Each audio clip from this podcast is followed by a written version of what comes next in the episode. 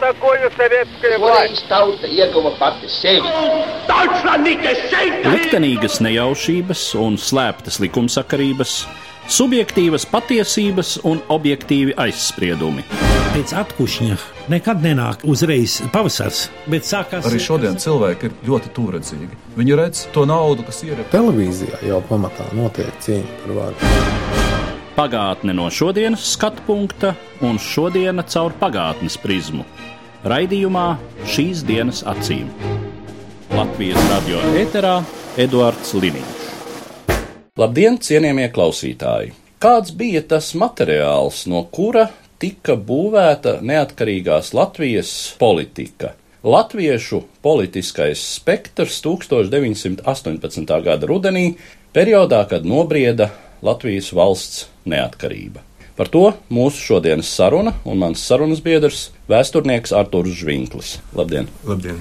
Šodienas sarunā mēs varētu diezgan secīgi aplūkot visu to, kā es teicu, latviešu politisko spektru no viena gala līdz otram. Droši vien jāiezīmē vispirms tie domājamie spektra gali, no kuriem vienā laikā gan mums ir jāliek latviešu bolševiki, un otrā spektra galā mēs varētu likt tos spēkus, kuri redzēja Latviju kaut kādā ciešā sasaistē ar Vācijas impēriju tobrīd vēl. Laikam gan tā īpatnība, kas mums ir arī jāatceras, ka tobrīd latviešu politika, cik nu tā pastāvēja, pastāvēja vismaz divās valstiskajās telpās. Varbūt ar to arī tad sāksim. Jā, tas tiešām tā bija, jo Latvijas teritorija, kā mēs zinām, Pirmā pasaules kara rezultātā bija sadalīta divās daļās. Tātad ķeizariskās Vācijas okupētā daļa un vēl Krievijas sastāvā esošā Latvijas teritorijas daļa, tātad līdz Brestas miera līgumam, līdz 18. gada sākumam. Šī te teritoriālā sašķeltība noteica, kāpēc izveidojās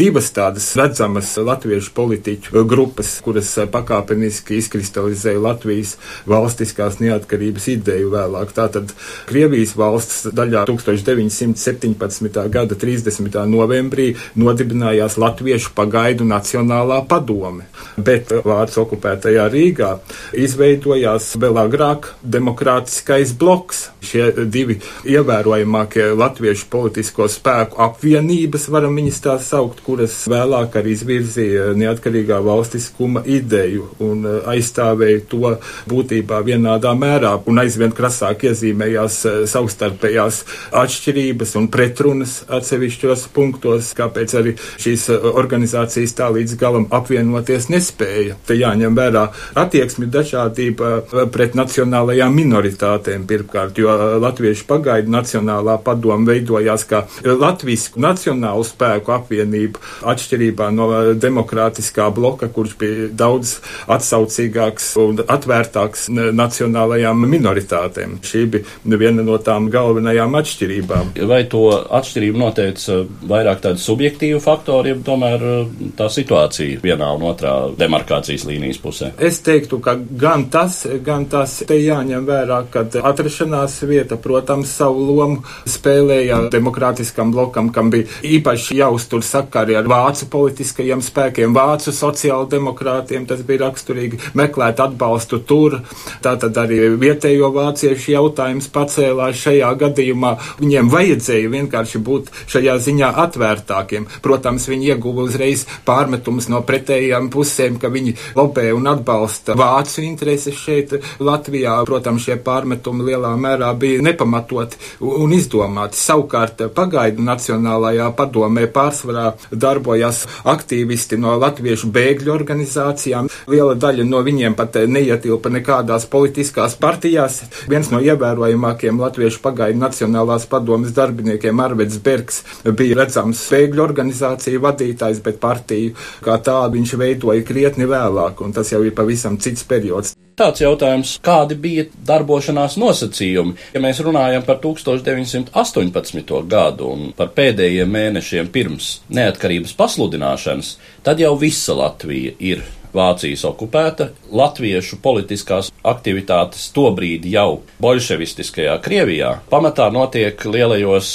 centros, kas ir ārpus Latvijas. Tā ir Petrograda, Maskava, Kazaņā, runājot par darbības iespējām vienā un otrā demarkācijas līnijas pusē, tā vienkārši sakot, ko atļāva un ko neatļāva tajā brīdī vācu okupācijas iestādes un kādi bija nosacījumi darbojoties bolševiku vairāk vai mazāk kontrolētajā Krievijas teritorijā. Mēs varbūt šodien reizēm pārspīlējam gan vienas, gan otras puses iespējas, tādas vēlmes apspiest latviešu politiskās darbības un aktivitātes. Te jāņem vērā tādi apstākļi, kad um, bolševiki pēc varas saņemšanas, kā jūs precīzi norādījāt, pirmkārt lielajos centros un ne uzreiz nekontrolēja visu stāvokli tik dzelžaini, ka jebkādas citu nebolševistisko spēku aktivitātes būtu kā ar nazi nogrieztas un tūlīt viņi pat visnotaļ pārtraukts darbojās sabiedroto jeb Antantes valstu misijas, ar kurām ļoti aktīvus sakars uzturēja Latviešu pagaidu Nacionālā padomi.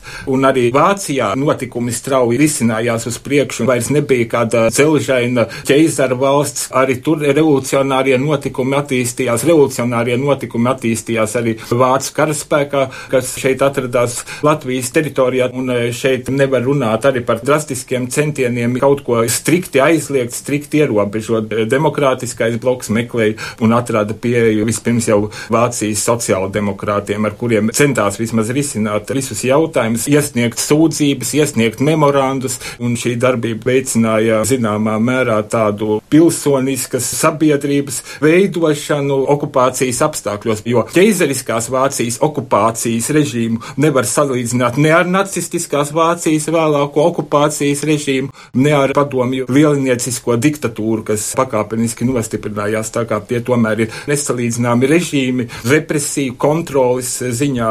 Latvijā šī orientācija ne jau tikai vācu karaspēku iebrukuma apstākļos un okupācijas apstākļos, bet jau krietni sen jau ar sociāldemokrātijas būtībā izveidošanos, tā bija rietumnieciski, uz to pašu Vācijas sociāldemokrātiju orientēta latviešu sociāldemokrātija. Tā, tā galvenā atšķirība. Krievijā šis demokrātisko sociālistu flanks bija samērā vājš vājš, salīdzinot ar bolševikiem, kuri aizvien vairāk un vairāk nostiprināja savu ietekmi. Un savukārt Vācijā Vācu sociāldemokrāti bija spēcīga, ļoti ietekmīga partija arī jau pirms revolucionāriem notikumiem. Plaši pārstāvēta Reichstāgā. Un, kā zināms, tad pēc revolūcijas Vācijā tieši Vācijas mērenie sociāldemokrāti kļuva par galveno veidojošo spēku topošajai Vēmāras republikai. Tā ka mēs varam saprast, ka šī sadarbība latviešu sociāldemokrātiem ar kolēģiem Vācijā bija nozīmīga un arī ļoti vajadzīga politiskā darbība. Mēs varētu ķerties pie šī politiskā spektra aplūkošanas no viena gala līdz otram. Varbūt sāksim ar kreiso galu.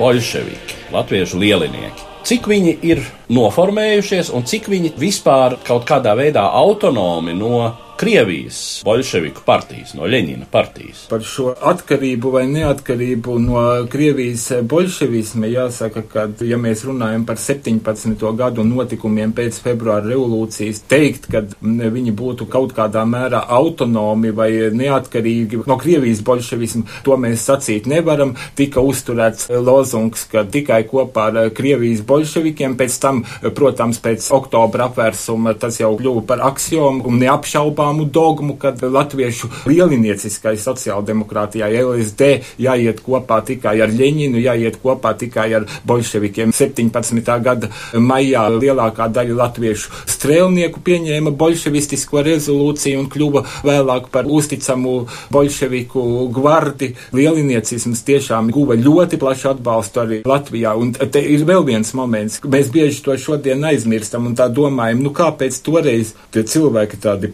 padomji vai kādi bija, notiek 17. gada sarisma gāšana, varētu domāt par pakāpeniski par neatkarīgas valsts veidošanu, par striktām autonomijas prasībām, bet te jāatzīst un jāatceras, ka Latvijā valstiskums kā tāds nepastāvēja, bija šauras inteliģences, sociāldemokrātiskās inteliģences grupas, kuras bija jau diezgan pasen rosinājuši ideju par valstisko neatkarību. Te jāmin kaut vai Miķelis Valters, bet plašu atbalstu, pat pilsonības atbalstu šīs idejas nekad nebija guvušas. Cariskā Krievijā tika deklarēts, ka latvieši ir uzticami Krievijas impērijas pavalstnieki, pēc tam meklēja sadarbību ar Krievijas pagaidu valdību, cerot uz autonomiju, pat eh, nemēģinot prasīt kādu atdalīšanos, absolūti valstiskās apziņas trūkums. Lielākajā Latvijas sabiedrības un īpaši arī latviešu sabiedrības daļā neatrisinātais agrārais jautājums, kas kļuva par lielisku lielinieku jājam zirgu, kuri apsolīja ar vienkāršiem paņēmieniem patriekt vācu baronus, izdalīt eh, zemi,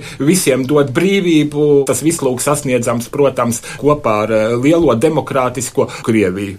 Protams, arī paši topošie un esošie latviešu lielinieki nezināja. Viņiem arī no šodienas viedokļa nevajadzētu pārmest to, ka viņi jau zināja, uz kādu valsti viņi iet un uz kādu valsti viņi ved, ka latviešu strēlnieki, kas nostājās Ļeņina pusē, zināja, kas tā būs par valsti, kāds monstros totalitārs režīms vēlāk tiks izveidots. Kā vienmēr, atpakaļ raugoties, jau mēs visi esam viedi, bet, protams, ne latviešu streļķi, ne arī tie latviešu lielinieki, kādi no viņi toreiz bija, nevarēja iedomāties, kas notiks ar viņiem pašiem 37. un 38. gadā. Bet galvenais, laikam, kas būtu jāatceras, ir tas, ka par latviešu lieliniekiem mēs īsti nevaram runāt kā par kaut kādu atsevišķu politisku spēku. Tie vienkārši bija latvieši, kuri darbojās Krievijas bolševiku partijā Ļeņina partijā un ieņēma tur arī diezgan nozīmīgus posteņus, sevišķi, runa par militāro sfēru. Diemžēl nekad viņi neizmantoja politisko ietekmi līdz galam, manuprāt, ko viņi būtu varējuši darīt, ņemot vērā tiešām to situāciju, kas veidojās pilsoņu kara laika Krievijā un arī nedaudz vēlāk padomju Krievijā. Viņi palika tādās augsti situētu, bet tomēr kalpu pozīcijās. Tātad augsti situēts priekšstrādnieks Ļeņina režīmam, vēlāk arī sākotnēji Staļina režīmam, bet ne vairāk, lai gan ar savu ietekmi viņi tiešām varēja pretendēt uz daudz ko.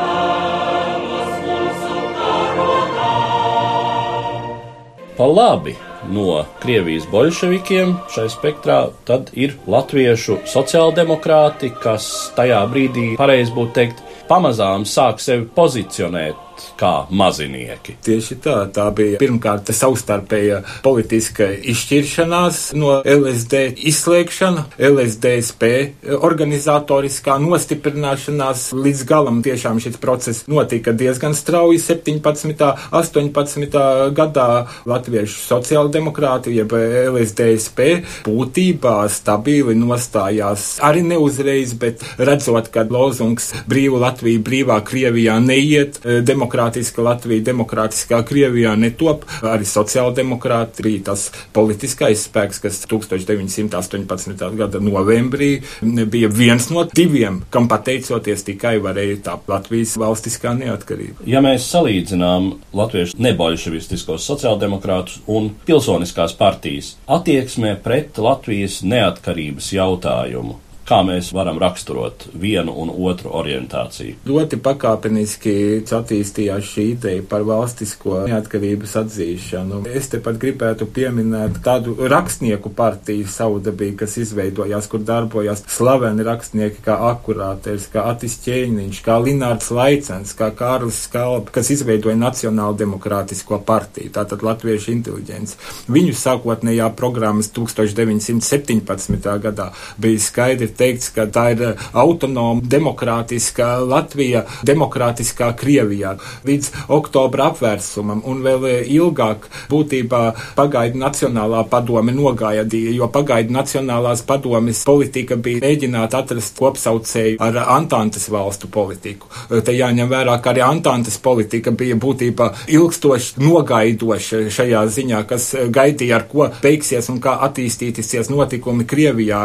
Manuprāt, veicinošs faktors tiešām bija Latvijas, lai cik paradoxāli nebūtu, Latvijas teritorijas zaudēšana, ko piedzīvoja Krievijas valsts, kas saistīta ar Vācu okupāciju, jo šajā gadījumā jau skaidri parādījās, ka krietni liela Latvijas daļa vairs neatrodas Krievijas sastāvā un būs acīm redzot jāmeklē citi risinājumi, kas būtībā deva tādu grūdienu uz to, ka e, arī tādā militāri strateģiskā teritoriālā sadalījuma ziņā sapnis par demokrātisku Latviju, demokrātiskā Krievijā ir izsapņots. Šeit acīm redzot būs jāmeklē radikālāki risinājumi, kas vest uz valstisko neatkarību. Jūs jau pieminējāt Latvijas Nacionālo demokrātisko partiju. Bez šīs Nacionāla demokrātiskās partijas 16. gadā Petrogradā izveidojot Francim Ķempam Latgals darba ļaužu partiju. Varam minēt ar šādu te reģionālo partiju, kas vēlāk īpašu uzplaukumu ieguva tieši Latgales reģionā. Tā bija vēl viena Latvijas politiskā īpatnība, kad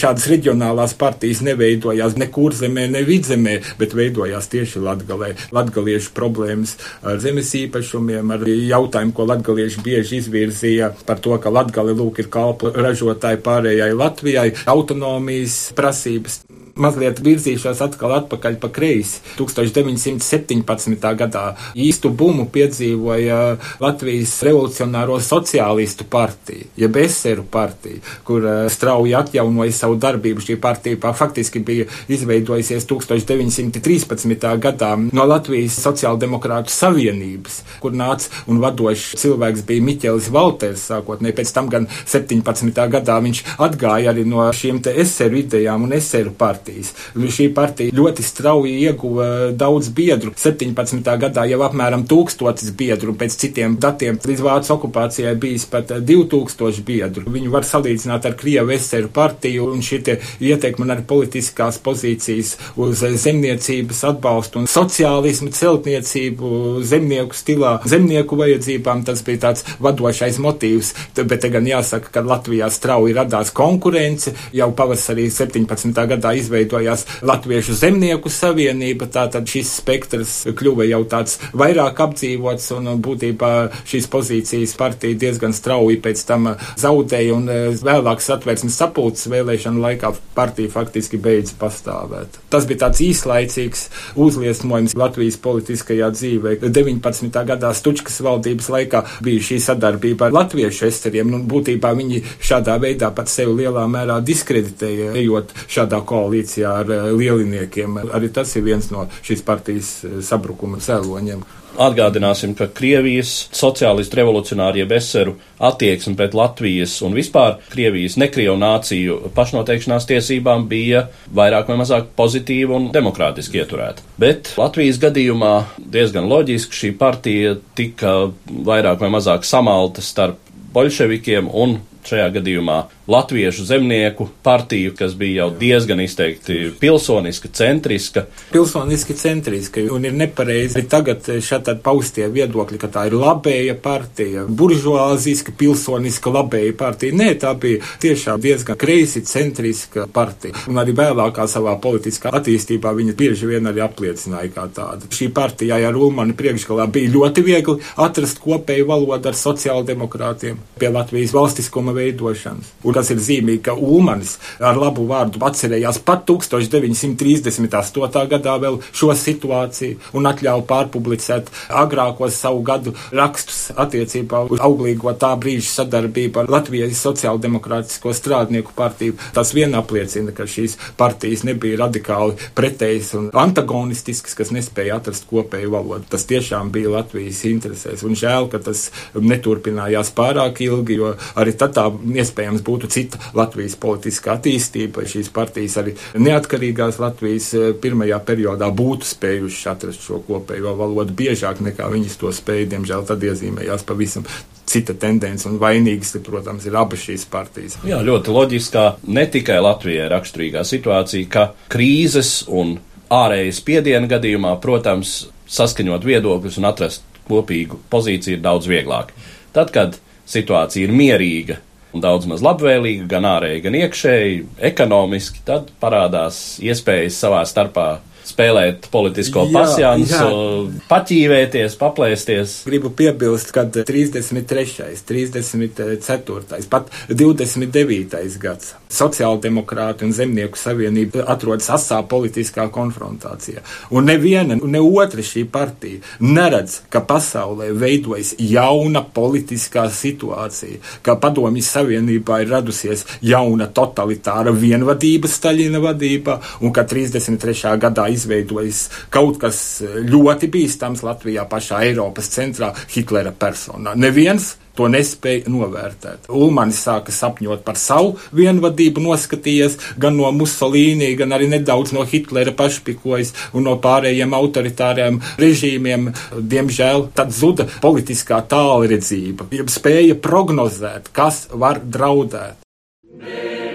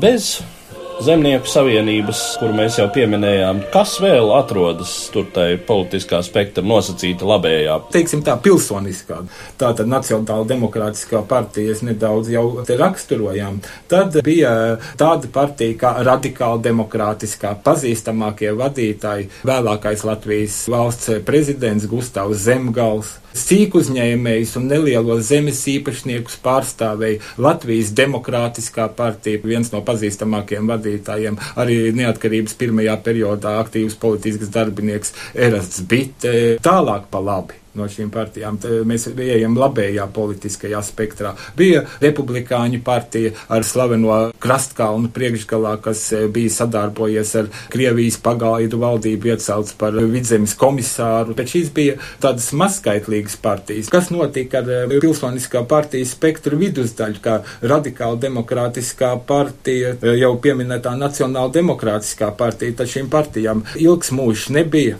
To vadītāji vēlāk apvienojās darbojās tādā jau stabilā veidojumā, kas darbojās visus vēlākos parlamentārisma gadus. Tas ir partijā demokrātiskais centrs, nepārāk lielā, bet diezgan politiski ietekmīgā spēkā, kas ir zīmīgi Nacionāla demokrātiskās partijas tāda persona kā Linārs Laicens aizgāja līdz komunistiskai kustībai, aizgāja līdz strādnieku un zemnieku frakcijai, bet toreiz 17. 18. gadā Linārs Laicens bija viens no aktīvākajiem, viens no drosmīgākajiem Latvijas neatkarības ideju paudējiem, brīvības prasītājiem. Nu, un, protams, galēji labējās partijas spektru aizņēma atjaunotā tautas partija ar eh, Fritzu Veinbergu priekšgalā, kas bija gatava sadarboties gan ar Vāciju, gan arī ar Krieviju, ja tāda atjaunotos monarhistiska vecā Krievija, protams, arī vecajam Veinbergam daudz ko no šodienas viedokļa mēs nevaram pārmest, jo, kā izrādījās, daudzas no viņa bailēm izrādījās ļoti tālredzīgas, tālā, tālā perspektīvā, nu, bet Veinberga tautas partija nekādu īpašo politisko ietekmi un politisko svaru tajā brīdī nebaudīja. Uz kādiem spēkiem ārpus Latvijas primāri orientējās šīs pilsoniskās partijas? Šīs partijas ļoti strauji jau noteica un diezgan precīzi savu orientāciju uz rietumu demokrātijām. Vispirms uz Angliju, vēlāk arī uz Amerikas Savienotajām valstīm, tātad uz rietumu demokrātijām ko vēlāk sauca par proanglisku pozīciju. Tā bija orientācija tieši rietumu demokrātiju virzienā. Te jāņem vērā, ka uz beigām gāja Pirmais pasaules karš, uzvarētājs bija Antante, uz ko citu tad arī galu galā topošā Latvijas valsts varēja orientēties. Mēs esam izskatījuši esam Latvijas aktīvās politikas spektru tajā brīdī. Vēl, protams, jāpiemina, ka bez ļoti noteikti politiskiem spēkiem darbojās arī dažādas sabiedriskās organizācijas. Pirmkārt, kārtām laikam jārunā par bēgļu organizācijām. Tieši tā, es jau minēju, ka Arvids Bergs bija viens no šiem vadošiem bēgļu apgādāšanas centrāla komitejas vadītājiem, tātad bēgļu organizācijas aktīvs darbinieks, kas ir zīmīgi. No šīs bēgļu organizācijas vidus vēlāk izauga Latviešu nacionāli konservatīvā partija, tā ir Berga Nacionāla apvienība, sākotnēji ar bezparteiskais nacionālais centrs nosaukums, ar ka lūk, latviešiem nav ko dalīties partijās, tātad, ja tu esi nacionāls, lai tas latviski domājošs latviets, tātad tev nav jādalās partijās, tava latvietība tev rāda ceļu. Bet tas bija vēlāk, un pats Arvids Bergs jutās dziļi apvainots par to, ka Ulmanis un demokrātiskais bloks ar Ulmani priekšgalā veidojot jauno valsti un veidojot tautas padomi, ir atgrūdis nacionālo padomi pie malas, un viņš tādu ilgstošu rūgtumu periodu pārdzīvoja gan pret Ulmani, gan pret jauno Latvijas valsti sākotnēji. Pēc tam gan viņš iesaistījās šai darbā, kļuva par deputātu, ieņēma iekšlietu ministra amatu, tātad darbojās ļoti aktīvi Latvijas neatkarības tālākos gadus, bet atradās stingri konservatīvās nacionālās pozīcijās. Rezumējot to, ko mēs šodien pārunājām, laikam tie galvenie secinājumi ir, ka Latvijas neatkarības tapšanai būtiski svarīgi bija divi faktori. Ka galvenie politiskie spēki, kas bija orientēti uz Latvijas neatkarību, bija orientēti pamatā uz Eiropu, uz Eiropas demokrātijas modeļiem tobrīd. Tas ir pirmkārt, otrkārt, ka šie spēki savā lielākajā vairumā bija arī pēc politiskās orientācijas visai tuvi. Ja mēs, teiksim, tā skatāmies tradicionāli veidotā politiskajā spektrā, tas ir centrs vai mazliet pa kreisi vai mazliet pa labi no centriskām pozīcijām, kas arī ļāva vienoties un šo procesu diezgan produktīvi virzīt uz priekšu. Tādi būtu tie galvenie secinājumi no šodienas sarunas. Pilnībā var pievienoties, un arī toreiz, tāpat kā šodien, mēs redzam, ka cilvēki ar vienādām politiskām būtībā pozīcijām, maz atšķirīgām, tomēr personisko ambīciju dēļ veidoja šīs partijas. Tas bija gan 17., gan 18., gan vēlākos gados. Šķēlās šai partijās, dalījās būtībā tikai, lai apliecinātu sevi, diemžēl lielā mērā. Līdz šodienai nebeigtā diskusija par prioritātiem, kurš tad bija galvenais Latvijas neatkarības izcīnītājs, Latviešu pagaidu nacionālā padoma vai demokrātiskā bloka veidotā tautas padoma. Pat šī polemika vēl līdz šodienai nav īsti beigusies un daudziem sāp bieži vien, lai gan būtībā te nebūtu pamata viņu tik ilgstoši uzturēt, vienkārši saprotot un apzinoties, ka katra pilsoniskā un sociāldemokrātiskā partija deva savu ieguldījumu Latvijas valsts izveidošanā latviešu pagaidu Nacionālās padomes un demokrātiskā bloka attiecībām mēs droši vien vēl pieskarsimies arī mūsu raidījumos, bet par šodienas sarunu es saku paldies savam sarunas biedram, vēsturniekam Arturam Zvinklim. Paldies! Par pagātni sarunājas Eduards Līniju.